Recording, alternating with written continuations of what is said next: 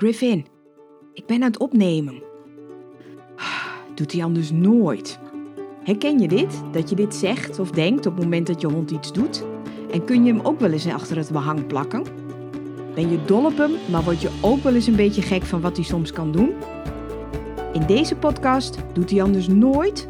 vertel ik elke week waarom je hond dat doet, hoe dat komt dat hij het blijft doen, of misschien ook wel niet, en natuurlijk wat je eraan zou kunnen doen. Ik ben Monique Bladder, gedragstherapeut voor honden. En net als jij heb ik zeker niet de perfecte honden, maar wel de allerleukste. Ondanks dat ze soms dingen doen die ze anders nooit zouden doen. Hey, Monique hier. Leuk dat je luistert naar deze tweede aflevering van Doet hij anders nooit. In deze aflevering vertel ik je over Duke, de Duitse herder. Zijn problemen begonnen bij een opgetrokken lip als hij een stokje had dat zijn eigenaresse wilde afpakken. En het eindigde bijna in euthanasie. Hoe en waarom en welke tips en je adviezen daar voor jezelf uit kunt halen, bespreek ik in deze aflevering. En ik beantwoord natuurlijk weer de vraag van de week, deze week van Danielle. Haar hond Brun trekt ontzettend aan de lijn en ze wil weten hoe ze dat het beste kan oplossen. Duke was een Duitse herder van twee jaar oud en zijn eigenaresse Kim die belde mij omdat ze echt met de handen in het haar zat. Ze heette overigens geen Kim, ik heb haar een andere naam gegeven uit privacyoverwegingen. Net als dat Duke overigens geen Duke heette.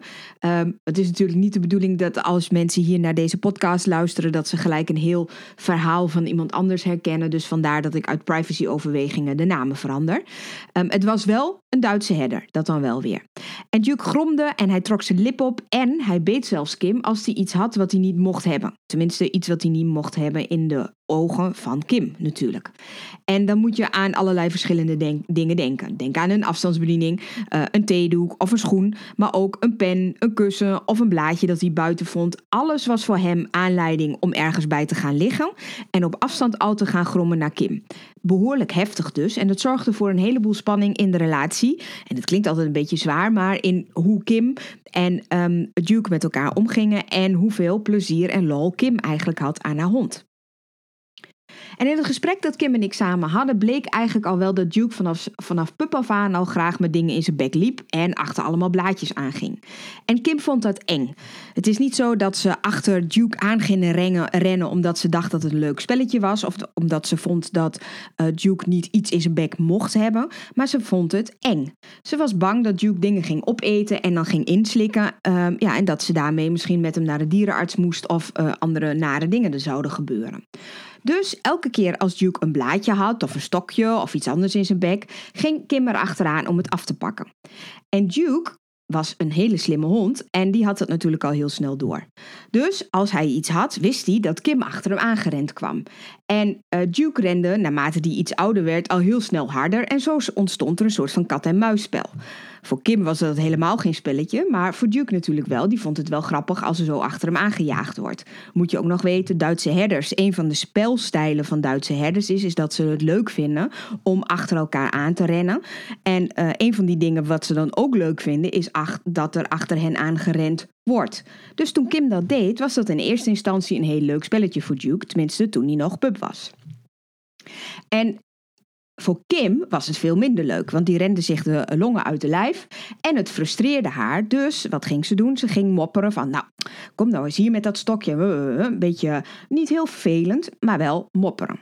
En als ze dan uiteindelijk Duke te pakken had, dan pakte ze hem bij het nekvel, legde ze hem op zijn zij en haalde ze dat wat Duke in zijn bek had uit zijn bek.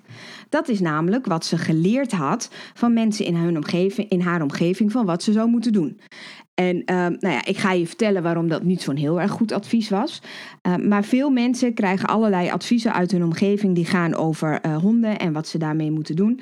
Um, en heel vaak zijn die adviezen zorgen die alleen maar voor dat problemen erger en groter worden. Maar daar gaan we het uitgebreid nog over hebben. Nou, en Duke merkte natuurlijk dat hoe ouder hij werd, hoe vaker dat spelletje hem iets opleverde en dus hoe vaker hij ook iets ging pakken. En hoe vaker hij iets ging pakken, hoe vaker Kim achter hem aan moest, tenminste dat dacht ze, om het vervolgens af te pakken. En uiteindelijk lukte haar dat altijd. Maar in plaats van dat het gedrag Duke minder werd, wat je misschien zou verwachten, want je zou misschien denken, nou ja, hij leert uiteindelijk wel dat het niet handig is om iets te pakken, want Kim pakt het dan van hem af. Maar in plaats van dat het gedrag van Duke minder werd, werd het steeds erger. Hij ging steeds meer dingen pakken en zijn reactie op Kim werd steeds heftiger, waardoor de reactie van Kim op Duke ook weer steeds heftiger werd en zo kwamen ze in een vicieuze cirkel terecht. En dat was een neerwaartse spiraal. Dat werd er allemaal niet beter op. Want in het begin liet hij gewoon toe dat Kim hem op zijn zij legde. Maar naarmate Duke ouder en ook sterker werd, want hij groeide van een pupje van een kilo of acht uit naar een hond van, laten we zeggen, 37 kilo, eh, begon hij steeds vaker tegen te spartelen. Nogal wie dus. En uiteindelijk begon hij ook te grommen.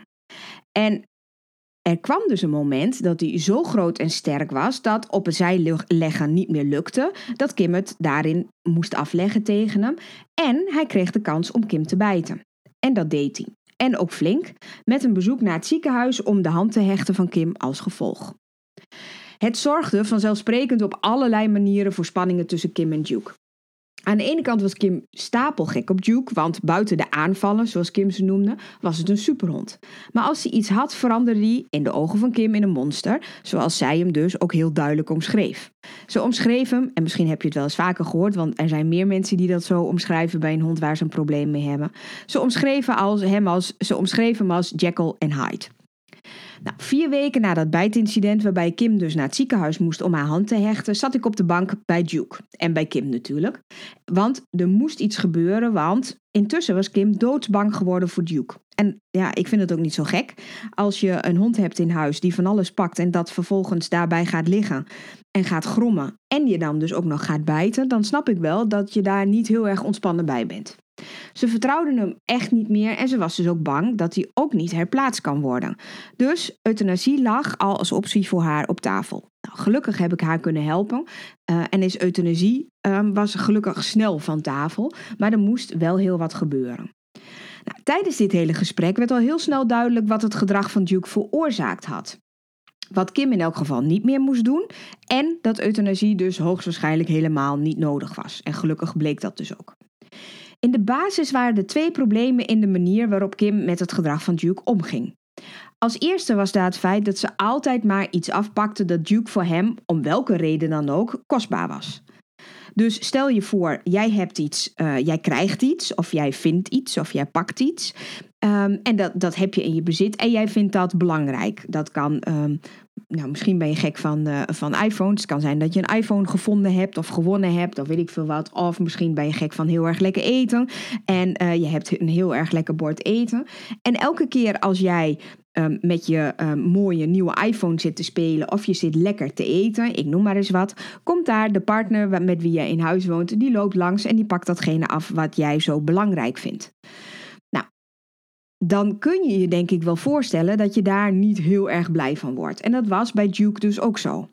En in het begin waren die dingetjes die hij pakte uh, helemaal niet zo kostbaar. Zo'n takje of een blaadje of nou ja, dat was eigenlijk meer iets voor Duke waarschijnlijk als pup zijnde om gewoon mee te spelen. Dat is namelijk wat puppies doen. Achter blaadjes aanrennen en takjes pakken. En zoals kinderen, baby's met hun mond en met hun handen ook de hele wereld om zich heen verkennen, doen honden dat ook. Dus als er een blaadje voorbij waait, gaat zo'n pupje daar achteraan. Dat is helemaal niet iets wat voor hem kostbaar is, maar het is iets dat prikkelt hem en dat gaat hij verkennen. Niks mis mee. Maar omdat Kim er zo'n punt van maakte, begon Duke waarschijnlijk te denken dat het wel iets belangrijks was. Stel, jij vindt een, um, een blikje ik noem maar eens even iets geks, waar op zich helemaal niks bijzonders in zit. En jouw partner loopt langs en zegt: Zo, dat is een mooi blikje, zeg. Poepoe, ik wou dat ik dat had. En um, uh, je moeder komt een keer op visite en die zegt: Zo, zo, dat is een mooi blikje. En iedereen die dat blikje ziet, vindt dat helemaal geweldig en wil dat eigenlijk het liefst hebben omdat de wereld er zo'n punt van maakt, ga jij denken dat het inderdaad wel heel erg iets belangrijks is. Een van de dingen, een van de kernpunten van marketing. Maar dat is een heel ander verhaal. Um, en zo is, ging dat waarschijnlijk dus ook bij Duke. Kim maakte van al die dingen waar uh, die Duke pakte, maakte Kim zo'n punt van dat Duke waarschijnlijk dacht: zo, ik kan me beter voor zorgen dat als ik dat heb, dat ik het ook hou en dat niemand van me afpakt. Want blijkbaar is het iets waar ik mij druk over moet maken. En het is, iets dat je veel ziet bij honden die spullen verdedigen. En uh, bezitsagressie en spullen verdedigen is een onderwerp waar ik uh, later in deze podcast in een van de afleveringen zeker nog een keer aandacht aan ga besteden. Maar voor deze aflevering is dat even niet de focus. Ik wil het in deze aflevering namelijk met iets, over iets heel anders met je hebben. Want in deze episode wil ik het met je hebben over het tweede probleem van Duke en Kim. En dat was het feit dat Kim Duke fysiek corrigeerde. Als Duke iets deed wat niet mocht, pakte Kim hem in zijn nekvel, legde ze hem op zijn zij. Ze deed hem pijn, of op zijn minst was dat voor hem oncomfortabel of onprettig. Um, en Kim was overigens geen een of andere stomme trut of een vervelend of na persoon. En ze was ook zeker niet iemand die het leuk vond om Duke te corrigeren. Maar het was haar geleerd en uitgelegd dat dat de manier was waarop je honden hoorde op te voeden. Dat was hoe we het vroeger deden. En vroeger is helaas niet tientallen jaren geleden, was het maar waar. Tot mijn verdriet is het in sommige kringen nog steeds de normaalste zaak van de wereld om in het kader van opvoeding je hond pijn te doen of te laten schrikken.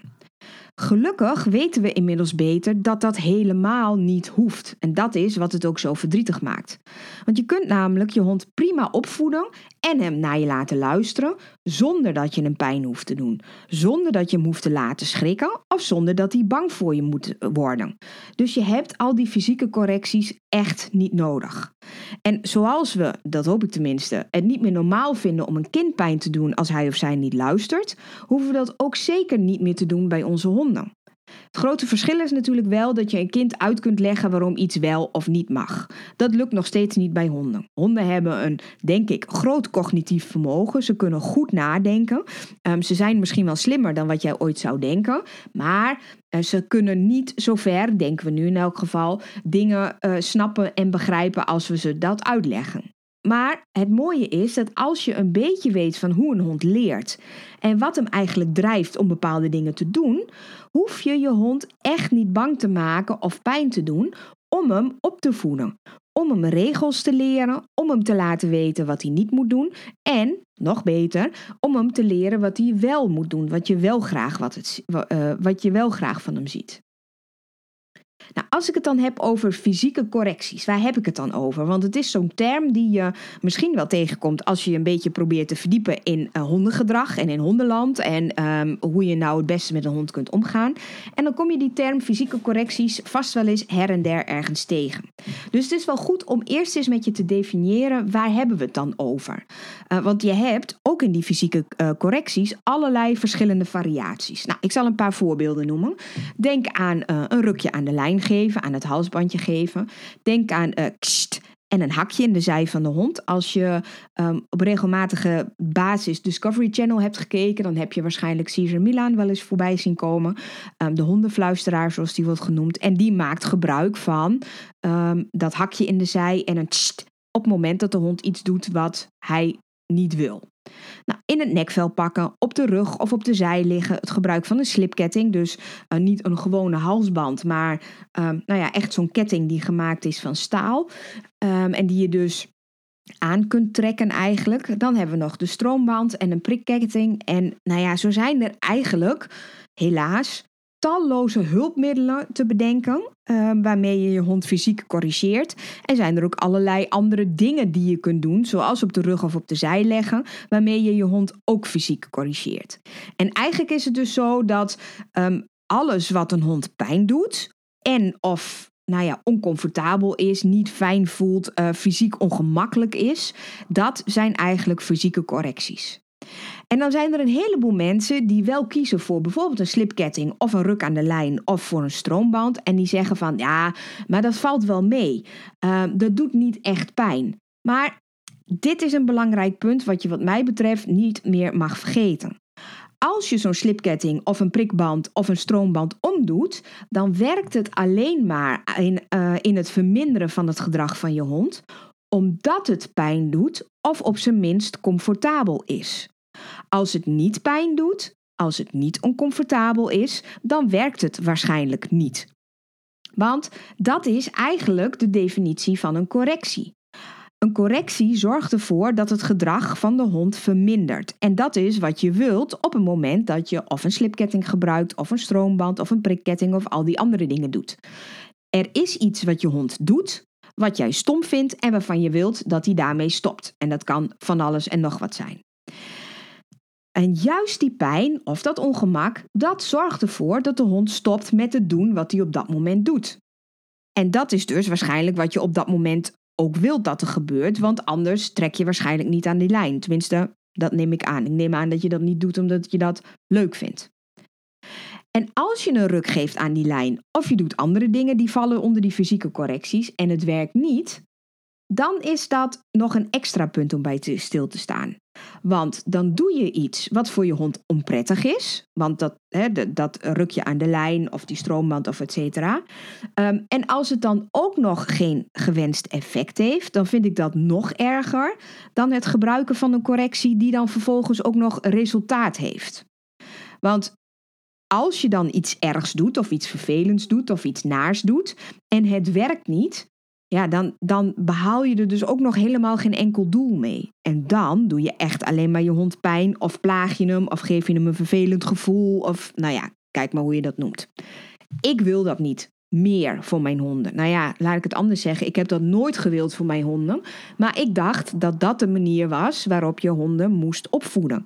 Ik dacht 20 jaar geleden ook dat dat de enige manier was waarop ik mijn hond kon duidelijk maken wat hij wel mocht doen en wat hij niet mocht doen.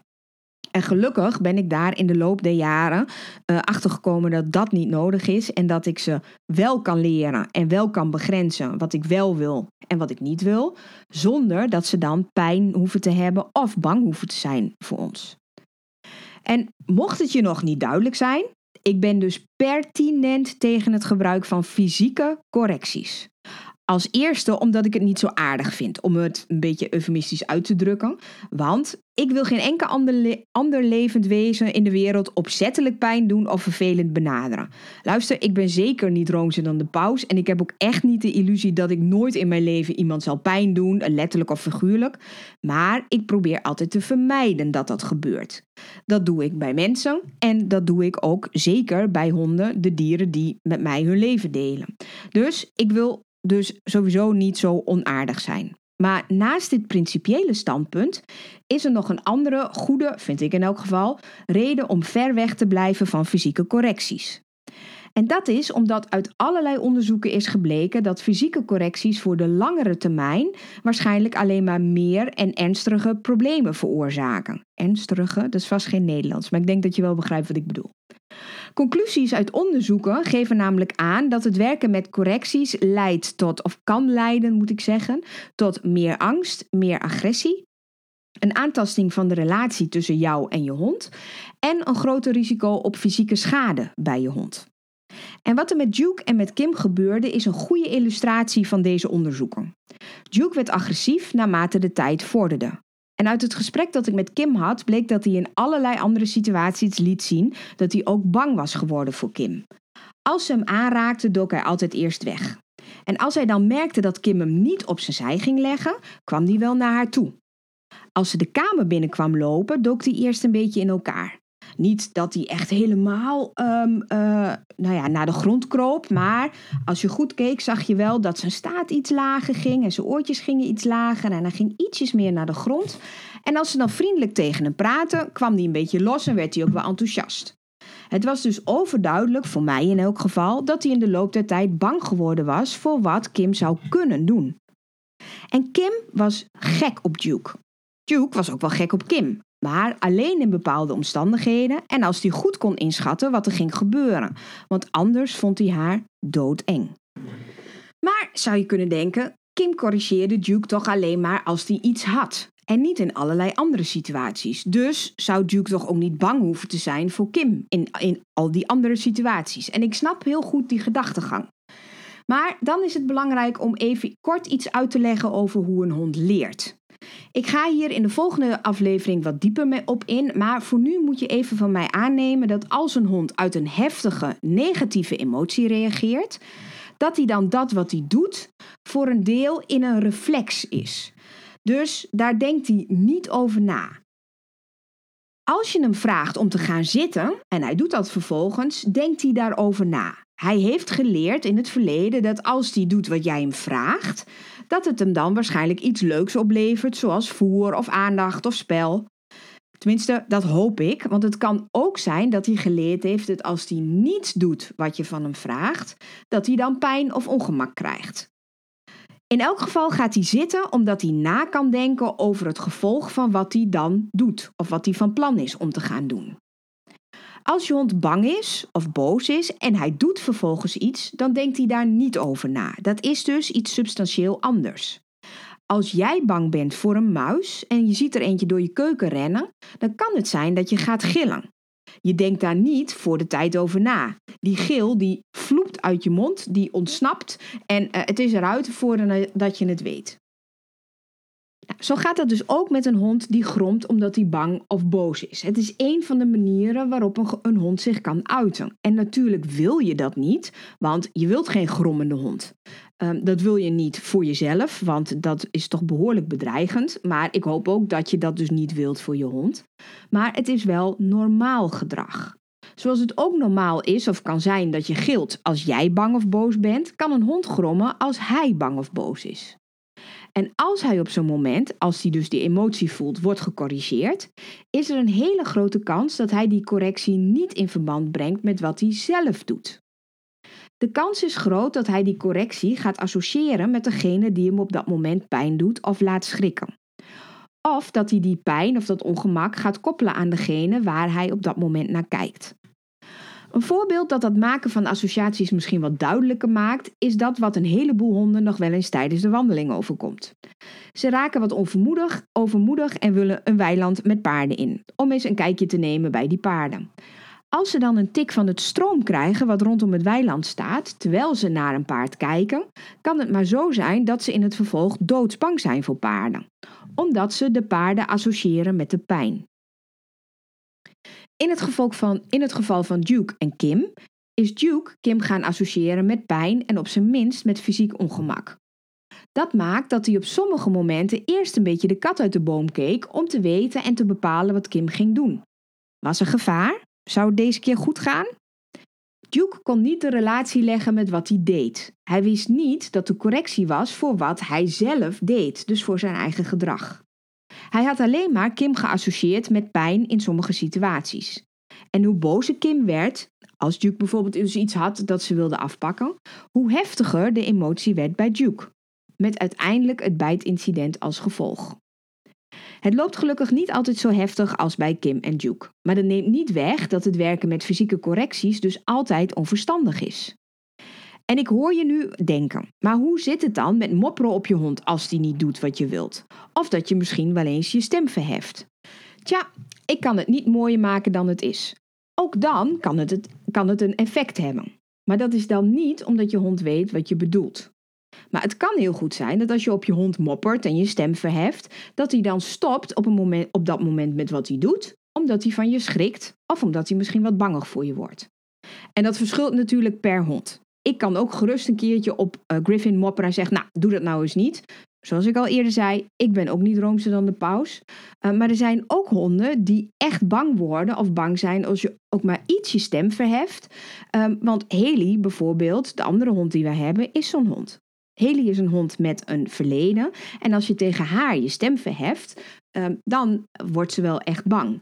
Daar waar ik dus tegen Griffin wel eens een keertje uh, wat achteruit mijn keel kom en zeg: Nou, hou daar eens nou mee op, zou ik dat bij Haley niet zo makkelijk doen. Dus sommigen zijn al bang voordat je ook maar voor een kleine stemverheffing en anderen lijken daar op het eerste gezicht totaal niet van onder de indruk. Maar eigenlijk geldt wel voor allemaal dat ook mopperen en stemverheffing vaak lijkt tot wat extra stress en mogelijk leidt tot angst, agressie en een aantasting van de band tussen jou en je hond. Kortom, het is belangrijk dat je stopt met het corrigeren van je hond. Maar is dan heel vaak de vervolgvraag die ik dan krijg: mag je dan nooit aan je hond iets duidelijk maken dat iets niet kan of iets niet mag? Want hé, hey, er zijn toch momenten waarop je tegen je hond zegt: hallo, tot hier en niet verder. En natuurlijk mag dat. Sterker nog, ik vind dat dat in sommige situaties zelfs moet. Je moet soms je hond kunnen begrenzen, want net als voor ons mensen is het voor een hond ook niet altijd feest. Niet alles wat hij wil, kan. Als eerste moet je hem dus moet je hem soms kunnen stoppen voor zijn eigen veiligheid. Als hij bijvoorbeeld de straat op wil rennen achter een fietser aan terwijl er net een auto aankomt. Niet zo heel erg handig. Soms moet je hem ook kunnen stoppen omdat hij iets wil doen wat jij gewoon simpelweg niet wil hebben. Bijvoorbeeld dat hij eten van je bord wil pakken. Of dat hij in de poep rolt. Of dat hij tegen je oma aanspringt. Wat niet zo heel erg handig is. Je moet dus zeker grenzen aan kunnen geven. Maar, dat is een beetje de moraal van dit verhaal, daarvoor is het niet nodig dat je je hond pijn doet of laat schrikken. Als je weet hoe een hond leert, kun je dat namelijk ook doen op basis van iets wat je zegt. En dat wat je dan op dat moment zegt, wordt in hondenland een cue of een commando of een signaal genoemd. En ik, zal, ik gebruik dat altijd een beetje door elkaar. En natuurlijk wordt een hond niet geboren met het begrip wat een cue of een commando betekent. Dat is iets wat je hem zult moeten leren. En ik gebruik daarvoor de cue doe maar niet. Sommige mensen zeggen niet doen, andere mensen zeggen nee. Um, maar wat je met die cue kunt doen, is dat je, als je hem dat hebt aangeleerd, dat je hem leert om te stoppen met wat hij op dat moment doet. En nou zijn er mensen op, die ook op basis van ervaring zeggen en denken: ja, maar als ik zeg foei, dan stopt hij ook. Tuurlijk, dat kan. Maar ik hoop dat je nu inmiddels wel een beetje zelf de conclusie kunt trekken dat het niet zo heel erg verstandig is. Als je je hond wilt leren om te stoppen naar aanleiding van een cue, kun je daarvoor naar een goede hondenschool gaan, want die kan je leren om die cue aan te leren aan je hond. Zodat je hond kan stoppen met gedrag zonder dat hij bang voor je wordt of dat je hem pijn hoeft te doen. Nou, en als je naar moniquebladder.nl slash doet hij anders nooit, doet hij anders nooit helemaal aan elkaar, liggend streepje 3 gaat, vind je daar een stappenplan voor deze oefening. Dan kun je er dus helemaal zelf mee aan de slag. Belangrijk is wel dat je erbij stilstaat dat je de cue doe maar niet alleen kunt gebruiken als je hond iets doet waar hij over nadenkt. Dus niet iets wat hij doet omdat hij boos of bang is. Maar omdat hij bedacht heeft dat als hij tegen je aan gaat staan, dat hij aandacht krijgt. Ook al is dat gemopper, negatieve aandacht is ook aandacht. Of dat hij erover nagedacht heeft dat als hij een bord ziet met iets lekkers erop, dat hij dat eraf kan halen. Want ook dat levert hem natuurlijk iets op en dat doet hij dus omdat hij kan inschatten dat hij daarna iets lekkers te eten heeft. Voor dat soort bewust gedrag werkt de cue doe maar niet. Als het gaat om onbewust gedrag, zoals grommen, werkt het niet. Dan zul je op een andere manier aan de slag moeten. Maar daarover in een andere aflevering meer. Maar het is eigenlijk natuurlijk nog veel beter om het niet zo ver te laten komen. Om het niet zo ver te laten komen dat je een cue doe maar niet nodig hebt. Want ook al leer je het je hond aan, het is en blijft wel een correctie. Het is een begrenzing wat ertoe kan leiden dat je hond stress ervaart. Dat hoeft helemaal niet erg te zijn, maar je kunt eigenlijk nog veel beter investeren in, een, in het voorkomen van gedrag wat je niet wilt hebben. Dat kan niet altijd. Dan heb je daarvoor de cue doe maar niet. Maar als het wel kan, doe dat dan. Het is verstandig om een bord met eten niet op neushoogte voor je hond te zetten. Zeker als hij nog jong is en je nog onvoldoende de gelegenheid gehad hebt om hem te leren dat het hem ook iets oplevert als hij er niet aan zit. En dat is natuurlijk niet de oplossing van alles, want er zijn nou eenmaal ook dingen die je niet kunt of misschien niet wilt voorkomen, omdat het simpelweg gewoon te veel gedoe is. Je wilt ook niet 24 uur per dag alleen maar met je hond bezig zijn, denk ik. Tenminste, ik ben stapel op mijn honden, maar soms heb ik ook nog iets anders te doen. Dus naast het proberen te voorkomen, is het handig om je hond te leren dat hij met bepaald gedrag iets kan verdienen. Dingen die je graag ziet dat hij dat doet. Bijvoorbeeld dat hij als hij, dat hij op het moment dat je oma komt, dat hij dan automatisch op zijn plek gaat liggen, omdat hij daar dan een koekje krijgt. Of een lekker bot. Of dat er met hem gespeeld wordt als hij gaat zitten, als er iets lekkers op de grond valt, zodat je zeker weet dat hij geen dingen van de grond haalt die je niet wilt die, dat hij mag hebben.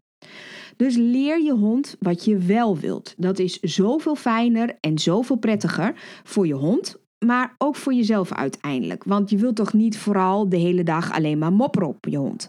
Ik denk dat het veel leuker is en veel fijner en veel prettiger is om te zien dat je hond dingen doet die je van hem vraagt en dat je ook ziet dat je hond zich daarbij oké voelt.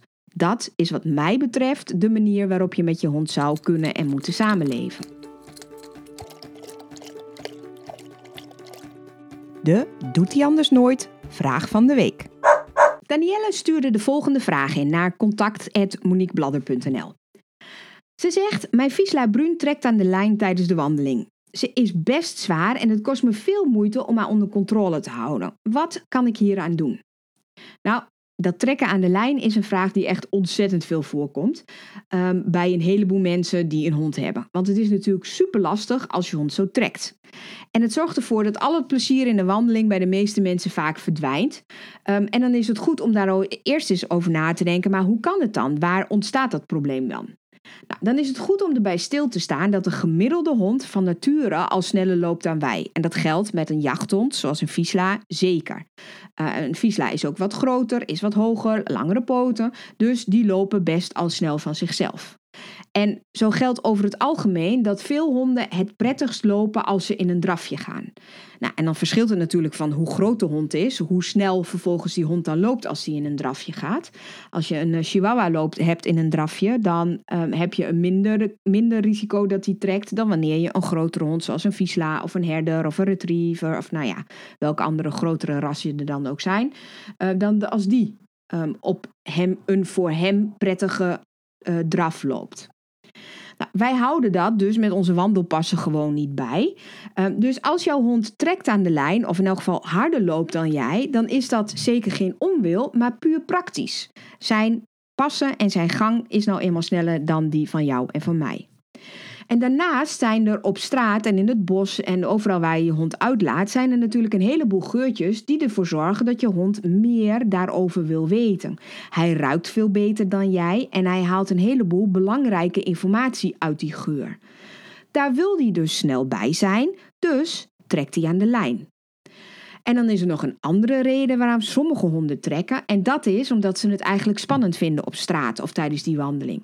Ze zijn opgewonden, ze hebben uh, een gevuld stressemmertje. Ga ik het ook nog een keer met je over hebben in een van de afleveringen. Um, en daardoor worden ze druk. Vergelijken met kinderen in een pretpark, die vliegen ook alle kanten op en zijn druk, want oh, er is van alles aan de hand. En dat kan dus ook zo zijn dat dat geldt voor jouw hond op het moment dat je met hem gaat wandelen. En dat kan dus leiden aan het, naar het trekken aan de lijn. Het is vooral de kunst om hem te leren dat het ook leuk is als hij met jou meewandelt met een loshangende lijn. En dat kun je op een goede hondenschool, waar positief met voertjes, met spel, met aandacht getraind wordt, kun je dat leren. En met een pupje begin je in hele kleine stapjes. Je geeft een cue, zoals bijvoorbeeld wandel of volg of naast of maakt me niet uit. Voor mij betreft zeg je sinaasappelsap. Maar uh, hij moet een cue weten waardoor hij straks weet, als je dat zegt, dat jij graag van hem wilt dat hij met jou meeloopt en dat hij niet trekt aan de lijn. Dus je geeft die cue en dan ga je wegstappen en dan na twee of drie stapjes, dus echt na heel klein stukje, krijg je pup al een voertje. Die twee of drie stapjes, dat bouw je langzaam uit. Dus je gaat niet van twee stapjes en een voertje naar tien stapjes en een voertje. Nee, je gaat naar twee of drie stapjes en een voertje, twee of vier stapjes, drie of vijf stapjes. Dus echt in hele kleine stapjes ga je dat uitbouwen. En als je hondje dan toch aan de lijn trekt, ga je niet aan die lijn rukken of mopperen of uh, uh, terugtrekken, maar blijf stilstaan. En op het moment dat je stilstaat, en dit vinden een heleboel mensen heel lastig, maar dan wacht je totdat je hond omdraait. En heel soms doet je hond dat niet, omdat er iets is waar die echt per se. Maar meestal gaan ze uiteindelijk weer omdraaien. Dat kan soms even duren, maar uiteindelijk draaien ze weer om. Dus heb geduld.